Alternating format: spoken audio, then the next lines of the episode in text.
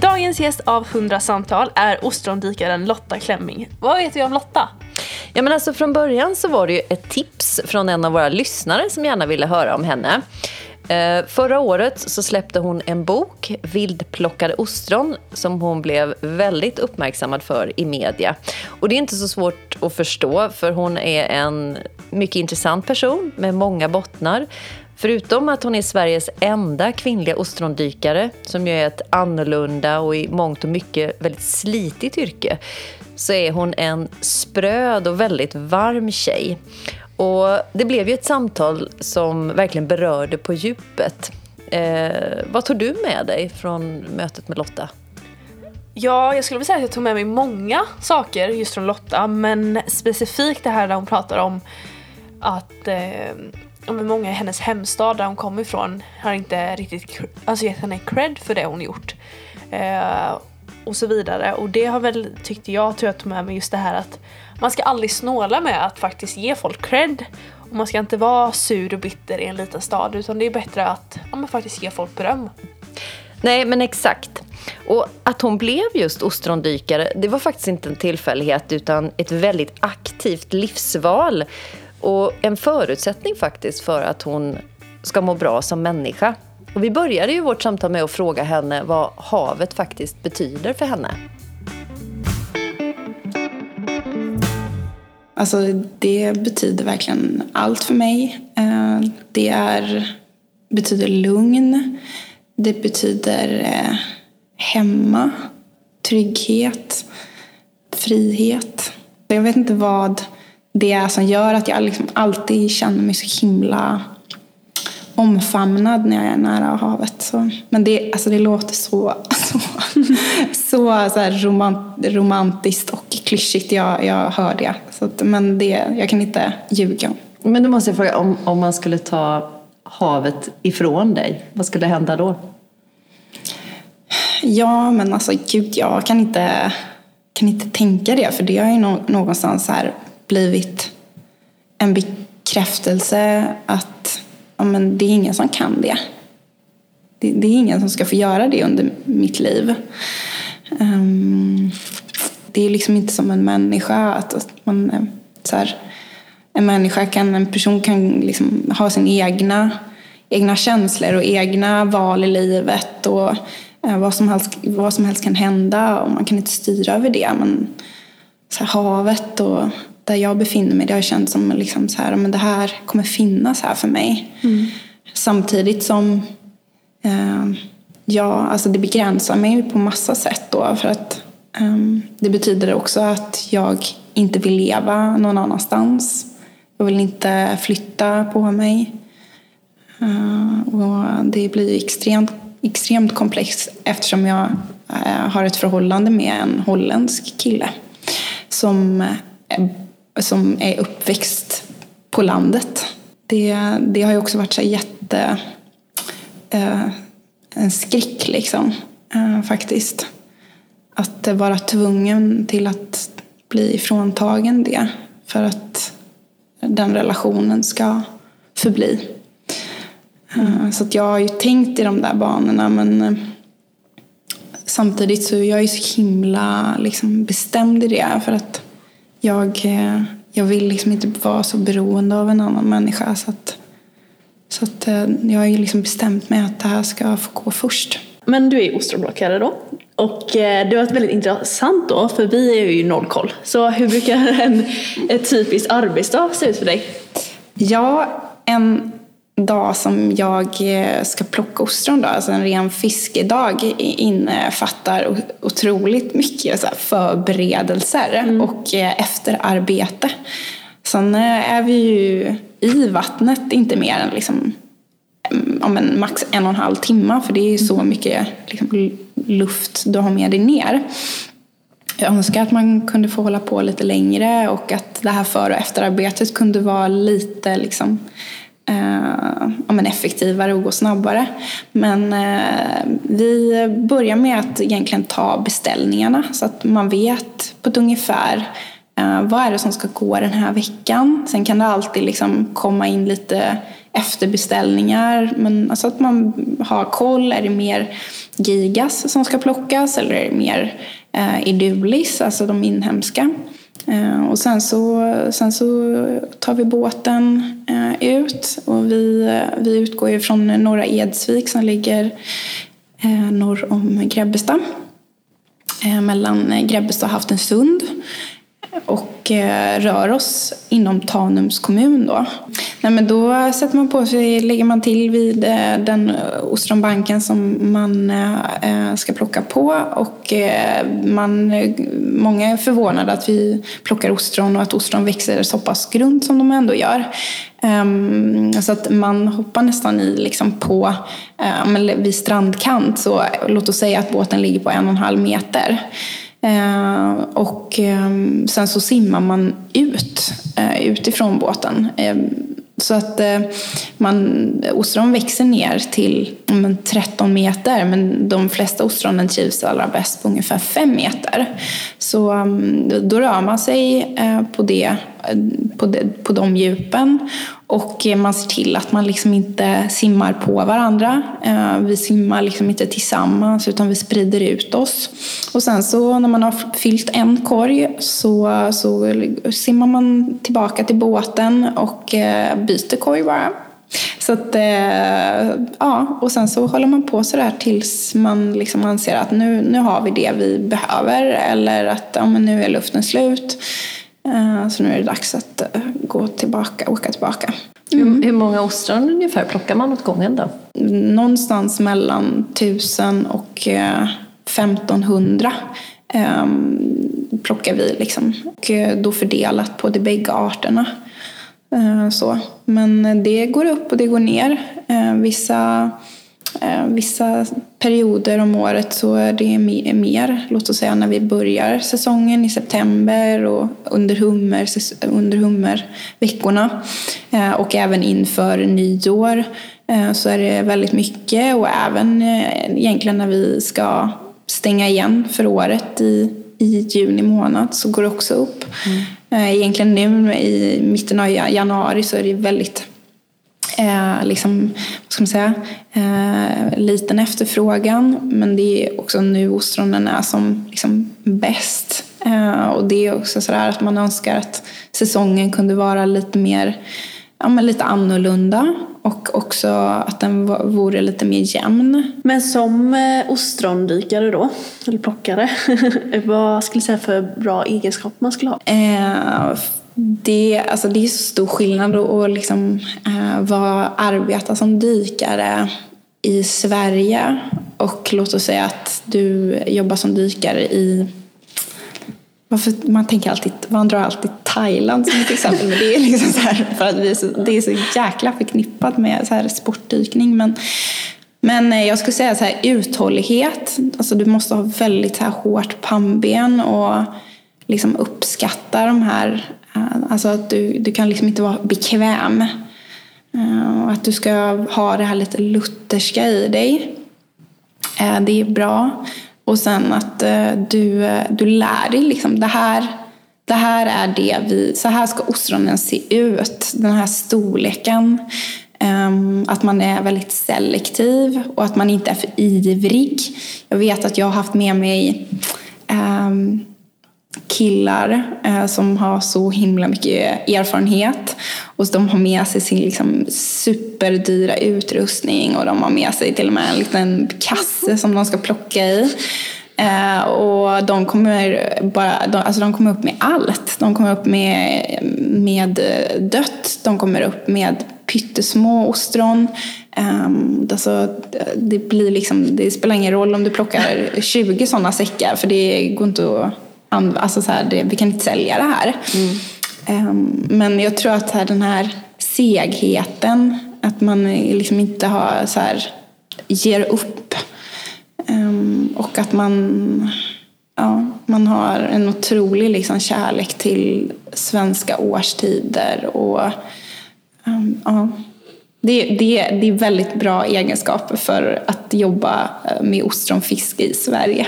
Ja, det känns ju väldigt eh, kyligt. Eh, eller så, för det är, det är torrdäck som gäller då. Vad, hur, vad har man på sig? För det känns, jag är jättekall av mig. Jag hade ju, känns som man hade darrat som en liten räka bara. Vad har man på sig? Det är helt och hållet att man måste sätta på sig varma kläder. Eh, och eh, det, det har vi ju. Sen så är det också så här, ja men fingrar, fötter, tår. Det, det kommer liksom inte undan det. Eh, men nu är vi ju inte i direktkontakt med vatten, alltså havet. Eh, så att, ehm, nej men det, det handlar om att sätta på sig bra kläder. Eh, Men under torrdräkten, där kan man ha, man kan be- bylta på sig hur mycket Ja, som helst där. Alltså, du jag kan ha en skoteroverall under torrdräkten. Ja, då får du ju ha en eh, volumös torrdräkt i så fall. Du blir rätt klumpig då. Men eh, ma- vi har ju overaller på oss. En liksom, eh, ja, speciell overall för att ha under en torrdräkt. Eh, och sen så underställ som när du åker skidor och bra strumpor och så. Eh, sen jag har ju helmask så jag kommer verkligen inte i kontakt med havet så eh, i ansiktet och har inga, inga lösa ehm, alltså lösa luvor utan eh, som, för då kan du ju gå in i nacken och så. Men du jobbar ju med eh, din pappa och din farbror som startade företaget. Och vad jag förstår så är du uppväxt i den här miljön som du berättar så målande om. Men eh, du började din arbetskarriär i modebranschen. Långt ifrån den här lutherska vardagen. Vad var det som gjorde ändå att du tog klivet in i den här businessen? Ja, alltså eh, jag, jag börjar faktiskt, eh, alltså jag jobbar jättemånga år inom restaurang så att, och det kanske skulle vara, hänga mer ihop med vart jag är idag än just eh, modebranschen då. Men eh, och modebranschen, jag jobbade eh, inom butik i sju år eh, och eh, hade väldigt liksom, en tydlig bild vad jag ja, men det är dit jag vill. Så om, man fråga, alltså om jag frågade mig själv, men mår jag bra i det här? Tycker jag om det? Kan jag stå för det? Eh, känner jag liksom, eh, alltså ser jag verkligen en framtid? Skulle jag må bra av den? Och då skulle liksom alla de svaren bara bli nej. Eh, och sen som så många andra alltså beslut kommer från att man kanske inte alltid har ett val. Att man, alltså här, men nu går det inte längre, det här är inte hållbart. Och så var det för mig. Eh, och jag sökte efter det här att vara stolt, känna att uppskattning, känna eh, att eh, jag gör något för, men som jag står för. Och liksom, som du säger, jag har ju sett och är uppväxt med min pappa och farbror som har gjort detta i hela mitt liv. Och också hjälpt till. Och har också varit jättesnabb med att ta dykarcertifikat. Ehm, och alltid känt att mitt klimat är havet. Men inte parat ihop det med att om jag kanske ska gå i min pappas fotspår.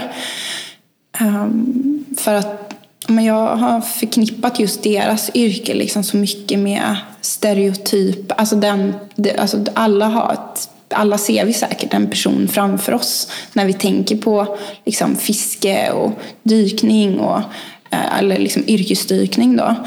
Eh, och jag har inte sett, ja, men det, det, det är inte jag. Och dessutom så har jag känt ett sånt himla ehm, avstånd från, eller tagit distans från samhället Grebbestad.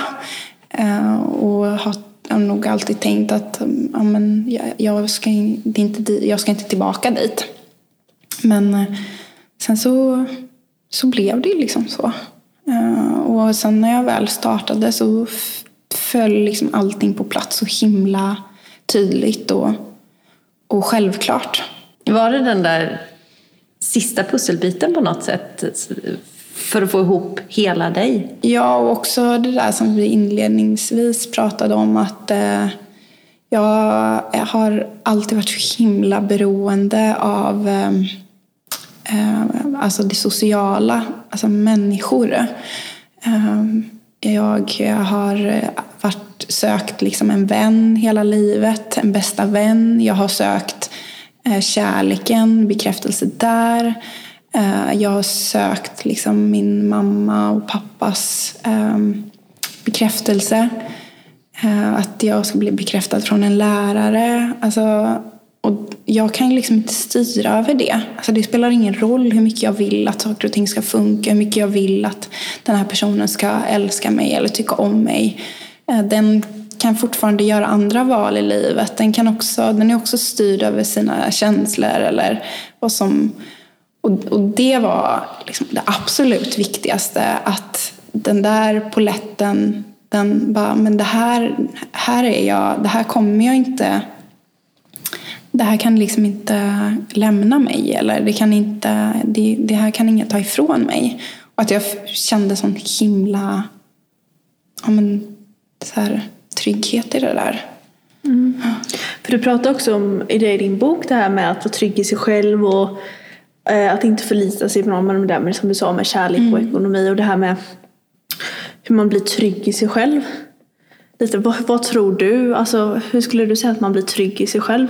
Ja, men alltså det, det är verkligen det här att äh, känna att äh, ja, men alltså, när jag i min, i min yrkesroll, alltså, alltså jag som då liksom, många säger då, ja, men, som ostrondykare. Alltså det var så himla, det kom så naturligt för mig. Och det, jag, jag, jag märkte ganska omedelbart att jag var väldigt bra på det.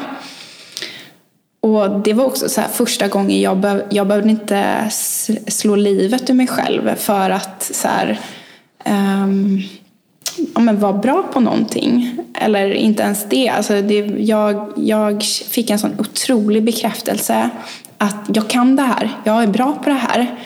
Och jag tror att det, det är det där att man känner så här, ja, men det här är jag bra på. Att man hittar någonting.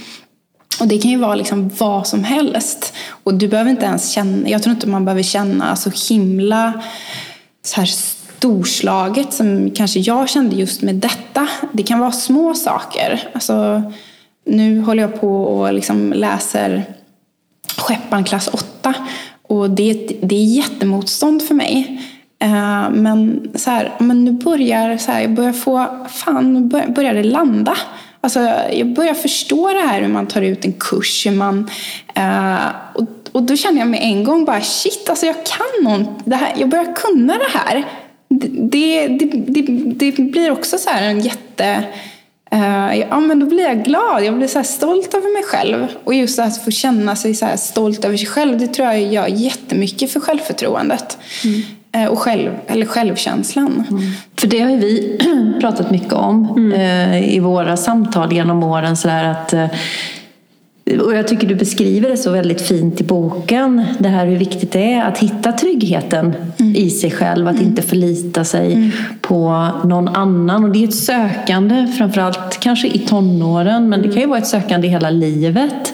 Eh, och i början så kanske det handlar mycket om att um, få bekräftelse genom passa in. passa in. Och så känner man att man inte gör det. Och liksom, ja, vad är vägen för att till slut hitta det där liksom i sig själv och våga stå för den man är. Mm. Eh, och då kanske det är mycket också ett, att man hittar någonting där man är bra. Ett mm. yrkesval eller en idrott eller någonting. Ja, Men det, här, alltså, det, är, det, är, det är förrädiskt det här liksom med uh, alltså så här, passa in.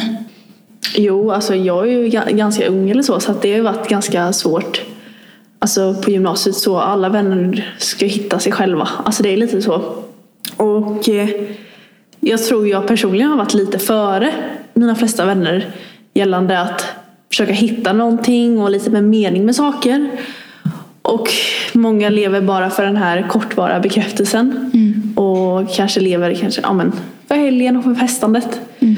Och jag tröttnade ganska fort på det. Att försöka hitta något lite mer än det. Och det, här, och det har varit, alltså det är svårt för det är liksom då tycker jag att ja, men då har man kanske inte alltid varit välkommen och man ska försöka hitta sig själv identitet. Alltså det är svårt. Alltså, men då har jag tror att jag så som jag känner att jag blir tryggare själv att hitta någonting som du sa, att bli bra på. Om man känner lite att det här är jag faktiskt bra på och jag utvecklas inom det här. Mm. Och det gör att jag då kan man lite falla tillbaka till det. Alltså om det är någonting, om man känner sig att om man andra saker runt en med vänner och allting, det är lite svajigt eller så att man inte kanske alltid är välkommen. Då känner jag att då har jag känt en trygghet att falla tillbaka i någonting som man faktiskt är bra på. Eh, nu blev det väldigt flummigt men Nej, nej, men jag hänger med. Men, och jag, tror, alltså jag tror så här, att- för jag har eh, vänner som inte alls känner så. Som inte alls känner att Alltså de lever väldigt mycket för dagen, eh, de är glada för det de har, eh, har inget behov av att, de har inga höga ambitioner. Och alltså så här, jag, jag menar inte det att man ska så här, eh, försöka mästra sig själv eller ja, men tävla mot sig. För det, det blir ju bara en stress i sig. Men om man har det där, att man känner sig sådär väldigt sökande, så tror jag att det, det är väldigt, väl, väldigt bra att kunna hitta någonting som man känner sig lite trygg i. Eh, känner att eh, jag har kunskap om detta. Alltså, men det behöver inte vara att jag är bäst eller jag eh, Men att man ja, men kan luta sig tillbaka till något annat än det här. Allt som händer i vardagen eller bara att livet bara forcerar fram. Um, mm. För du eh, pratar också om i din bok om det här, men det här med identitet. Och jag kunde verkligen, för det pratade vi om innan vi kom hit, det här med att man är ung. Och du berättade lite om att du drog till varandras motsatser. Ja men lite det här, eh, ja men du sa det här med skogen och sen var det det här med fuskpälsen. Och lite, ja, men, ja men lite så. Och jag känner igen mig själv så mycket i det. Att, det, att man vill passa in i ett fack men sen så är man lite man passar aldrig riktigt in och det är, det är svårt liksom. Men hur, hur kom du fram till att man inte kanske måste just välja? Eh, men alltså, jag, jag var ju sådär, jag har varit så hela mitt liv. Alltså så här superschizofren i mina, vad jag tycker om. Alltså så här, de raka motsatserna och att det inte alls eh, hänger ihop. Eh, och har alltid, eh, och jag ska säga så här att mm, många av de där extrema grejerna har jag också skämts över. Um, och sen så till idag så gör jag kanske något som många upplever vara väldigt extremt men istället känt att, att det är coolt, eller inte coolt men att jag är stolt över det då. Um, men alltså, för det första så, så tror jag att alltså, det var faktiskt en kusin till mig som sa det. Um, för att jag så här, åmade mig, eller eh, det är kanske lite bohuslänskt att säga så, men eh, att jag eh, oroade mig över så här att ja, ah, men det eller det eller det ena eller det andra och ja, ah, men om jag gör det så kan jag inte göra det. Och så sa hon så här, men Lotta, alltså, du är ju sån som person. Så du kanske inte måste välja då. Eh, och då, då, då så här, när man ha någon utomstående, som, så då, då blev det så himla självklart att bara, nej, jag kanske inte måste välja. Jag kanske inte måste välja att eh, gå som, jag tror att det kanske eh, skär sig liksom med att, ja men, om man jobbar med det jag gör och liksom fiskar eh, och då kan man inte eh, uppskatta att eh, klä upp sig och åka in till stan och gå ut med sina vänner eller att man eh, sminkar sig. Eller, det går liksom inte ihop med den profilen som ja, men, eh, ostrondykaren. Liksom. Mm. Um, men nu så är jag så här, fan det är ändå rätt härligt. Det är ändå rätt härligt att man är sån. Mm. Har du något sånt där samtal som har betytt någonting för dig? Som har fått dig att eh, Ja, som har varit avgörande i livet eller som har fått dig att välja väg eller något sådär som du kan minnas som har varit betydande? Eh, ja, eh, det har jag. Eh, ett alltså så här, livsavgörande samtal eh, är det det första som eh, kommer upp. För det är ett sånt där, det var då liksom, eh, ja, men då var det frågan om att leva eller att inte leva. Men eh, vi behöver inte gå in på det så i detalj, men det handlade i alla fall om att det var en person som eh, um, konfronterade mig på ett sätt som jag aldrig hade blivit konfronterad ehm, på ett sånt sätt som jag inte hade blivit konfronterad ehm, tidigare. Och det, det säger väldigt mycket om att det vi tror att vi eh, behöver är inte alltid så bekvämt. Eller ska jag säga så här, det som vi behöver är inte alltid så bekvämt. Um, alltså det här är ju av, pratar ju utifrån mig och um, jag, jag har, är uppväxt i en familj där man inte ska ifrågasätta. Det är väldigt omhändertagande. Um, klappa med hårs. Men um, liksom, i det, det djupaste inre så har ju jag, jag varit uppväxt med uh, att man inte ska ifrågasätta och att det ska tystas och att det ska uh, tröstas istället för att liksom, ifrågasättas. Och det där samtalet var precis så. Det var jätteifrågasättande, det var konfronterande. Um, och eh, det liksom... Um, ja, jag var, jag, då, då, då hände det grejer hos mig. Så jag behövde den där liksom, um, friktionen. och det, det där har jag sökt uh, att få uppleva igen. Men på något sätt så dras man ju till det man är bekväm med. Och det är ju det där man är uppväxt med oftast. Eh, man tror att man liksom behöver kramar istället för någon bara, ja men nu är det så här. Du har aldrig funderat på det. Någon som eh, utmanar ja, dig tänker exakt, du eller? Exakt. Mm. Så, så att, eh, det är ju, det där samtalet hade jag när jag var 16 år gammal. Och eh, det samtalet har inte jag haft förrän eh, när jag träffade min, min kill, nuvarande kille. Eh, som bara är sån. det är bara ifrågasättande. Uh, oh, ja, så så här, jag har ju fått lära han att liksom bli mycket mer så här, omhändertagande och att det inte alltid är livet är en enda, liksom, eh, om du vet, eh, eh Ja, nej, men så det, det, det är ett sånt där viktigt samtal som jag hade och det handlade ju om liksom att den här friktionen och ifrågasättande, alltså att man går emot det som är liksom bekväma. Mm. Jag tror att man behöver det i jämna mellanrum uh, faktiskt, alla. Va, vi tänkte prata lite ostron. Ja! Ja! ja. eh, ostron är ju lite en klassmarkör skulle jag säga. Mm. Jag vet inte om du håller med om det. Eh, och vi, du och jag, så vi har ju mycket ostronälskare runt oss. Eh, kan man ju lugnt säga. Men vi har inte riktigt lärt oss. Nej, men Ost, det är, så, det är Ostron för beginners. Vad, vad, liksom, hur ska vi lära oss? Ja, men jag tror att för det första så måste vi ta bort det där med att det är liksom en klassgrej. För jag tror att det är det är för att eh, svenskar har ingen eh, jättelång relation till ostron, även fast vi alltid har haft eh, ostron i Sverige på västkusten.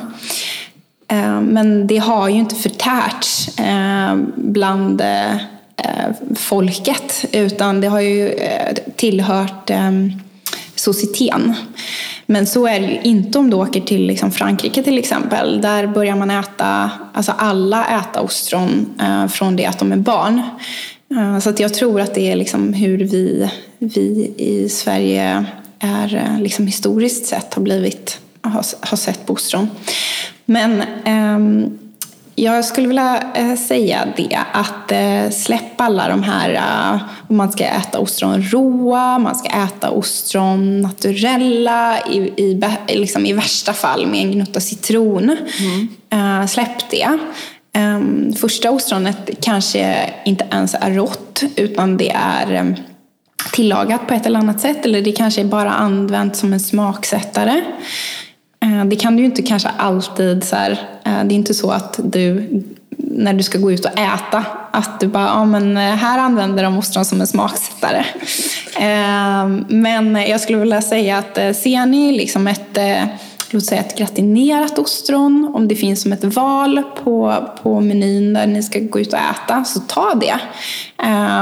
Och sen nästa gång så testar ni, liksom, ja, men vi, nu beställer jag med ja, men som här på Vrå, att de har liksom, jobbar mycket med asiatiska, japanska smaker. Um, och då liksom det, det, det blir också en väldigt så här balanserad smak på ostronet då istället för att det är ostronet som talar. Um, för att på sven alltså svenska, den, det, smaken på svenska ostron går inte att ta bort bara, så är det. Mm. Men den kan, det kan förmildras. Uh, så att, uh, och det är de ju superduktiga på uh, restauranger idag. som har lång erfarenhet av att arbeta med ostron som en råvara. Så att jag skulle säga så här, Uh, första ostronet, uh, skit i det där råa bara med en gnutta citron utan ät det tillagat eller med så här, härliga smaksättningar och liksom så. Så att uh, det skulle vara mitt här, bästa tips. Men vad, vad är det som gör ett ostron så exklusivt?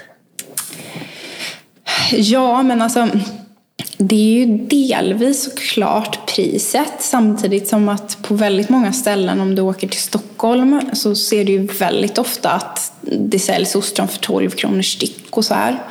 Eh, då, då, skulle jag vilja säga så här att jag, jag eh, som vet liksom hur, eh, vilken tid det tar att odla ett ostron, om det än så är Fran i Frankrike och det är liksom industri, så det, det finns inga ostron som liksom, har som har behandlats bra, som säljs för, ut till kund för 12 kronor styck på en restaurang. Ehm, men eh, ostron är ju dyrare. Men ostron ska, jag anser liksom att ostron ska inte, man ska inte vräka sig i ostron precis som att man vräker sig inte i typ tryffel. Eh, det, är inte, det är inte så att man liksom, eh, nej utan det, det man ska så här, ja men man tar eh, ett ostron men det är klart att så här, ja, men jämför du med att du beställer in två svenska ostron och för de pengarna får du liksom en hel förrätt. Då är det klart att ja, men då, måste det vara, då, då är det exklusivt med ostron. Ehm, men vet man vilket arbete det är kring eh, ostron så, så förstår man också varför de kostar eh, vad de gör. Men jag mm. tror fortfarande att det hänger väldigt mycket ihop med eh, att, hur vi har liksom sett ostron historiskt sett. Mm. Kan man bli rik på att vara ostrondykare och ostronplockare? Jag tänker på ostronets prisresa. Mm. Från att det lämnar er mm.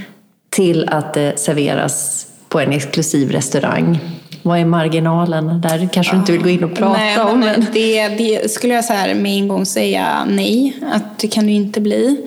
Eh, samtidigt så har ju vi eh, fått det här invasiva ostronet till vårt svenska vatten och eh, hade jag fått välja så hade jag jättegärna dykt fler dagar i veckan och plockat upp mer av de ostronen. Eh, så att eh, jag tror liksom, skulle man eh, sluta importera så mycket ostron så skulle kanske, och efterfrågan öka på, på liksom svenska gigas, då, då hade du säkert kunnat bygga upp en bättre ekonomi att jobba med ostron i Sverige. Men det handlar väldigt mycket om att så här, alltså ringa på vattnet. Att, Eh, vad kan man göra mer utav liksom, att ha eh, ostron som liksom en kärnprodukt. Men det handlar ju allt ifrån liksom, eh, turism till eh, till samarbeten. Och, eh, så det, finns ju, det beror ju på vad du, om du är en entreprenör eller ej.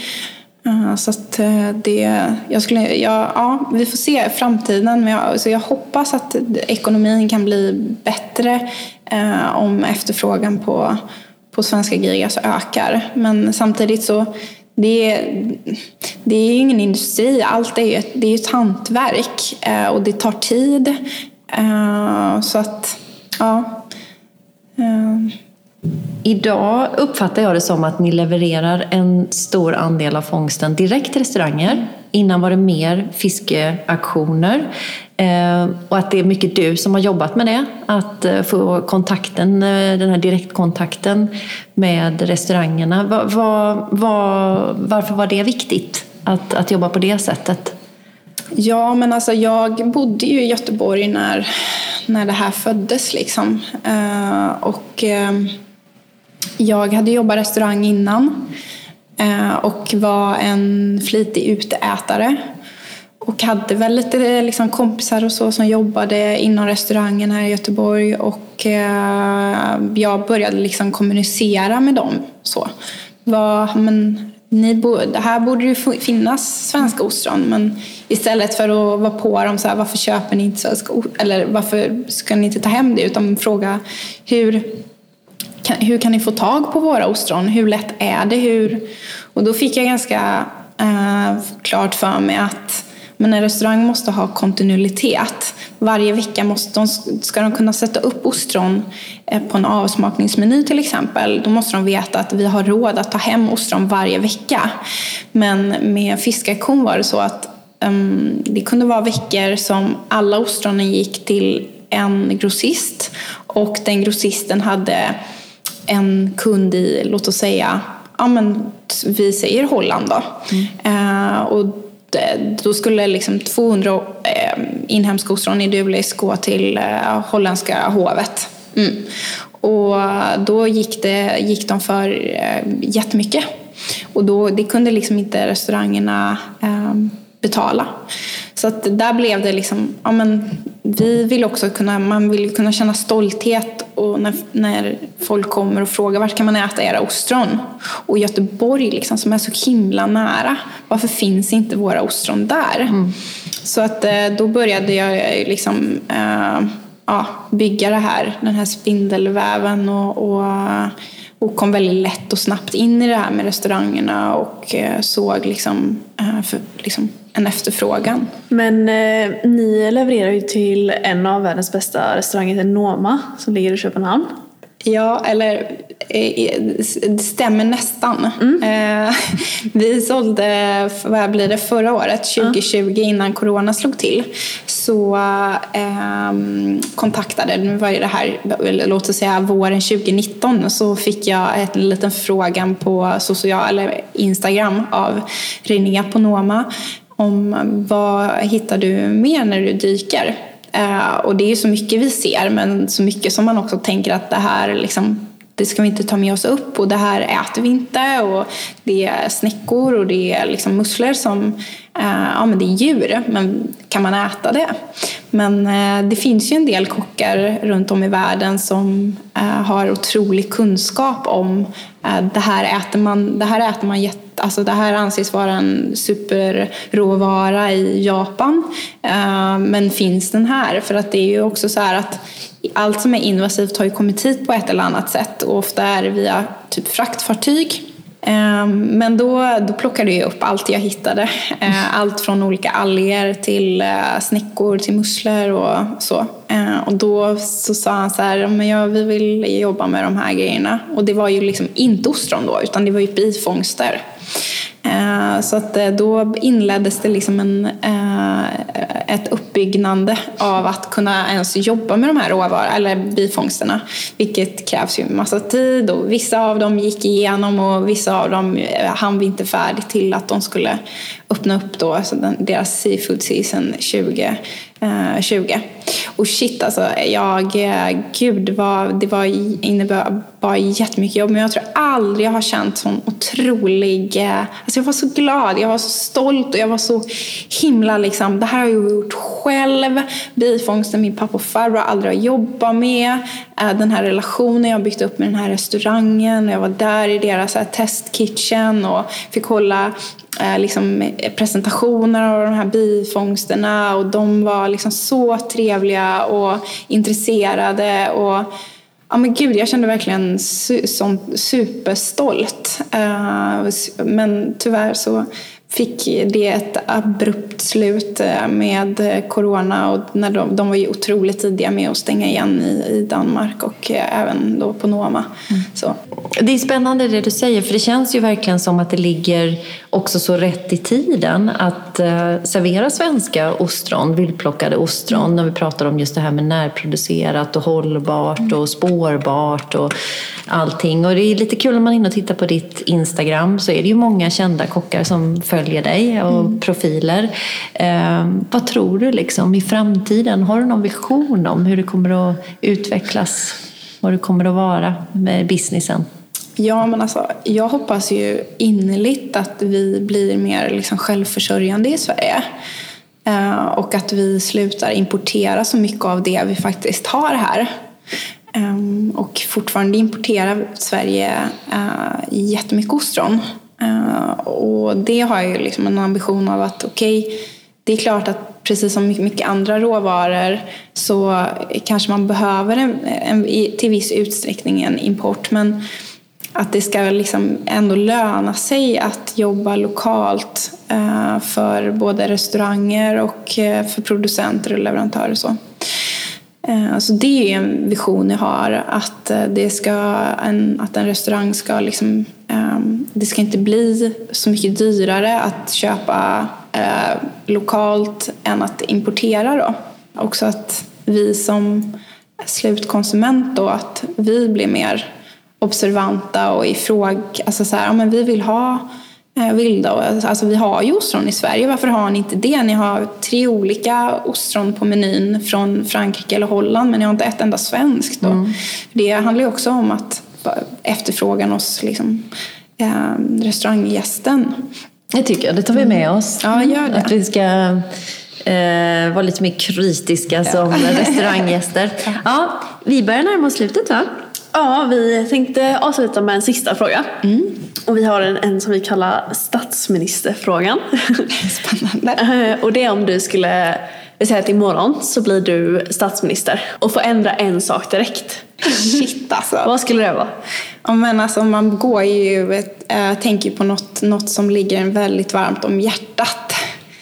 Äh, och då tänker jag äh, psykisk ohälsa tänker jag att det är, har vi så himla mycket att jobba på i Sverige och det har bortprioriterats alldeles, alldeles, alldeles för länge. Och sen så tänker jag att eh, vi, som vi pratade om eh, sista, eller näst sista frågan, med att eh, det ska vara ehm, förmånligt att jobba som alltså närproducent eller små, alltså småskaligt. Eh, och att eh, vi måste stötta de eh, företagarna och även hjälpa liksom restaurangbranschen och det som Sverige som land tjänar mycket pengar på.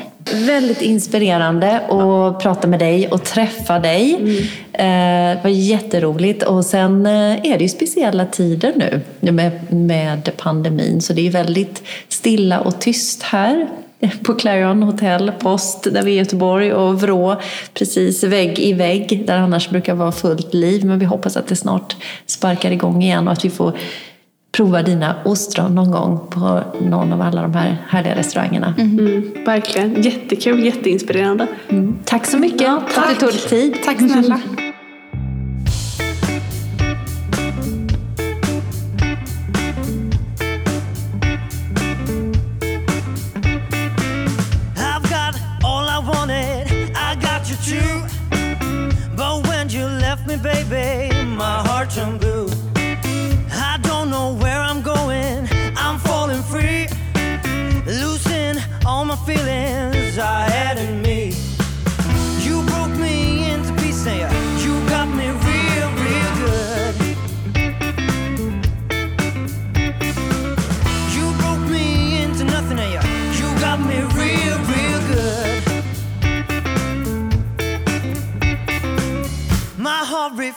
listen. What can I do? Backstabbing all my feelings. I feel for you. I don't know where I'm going. I'm falling free. Losing all my feelings I had in me. You broke me into pieces.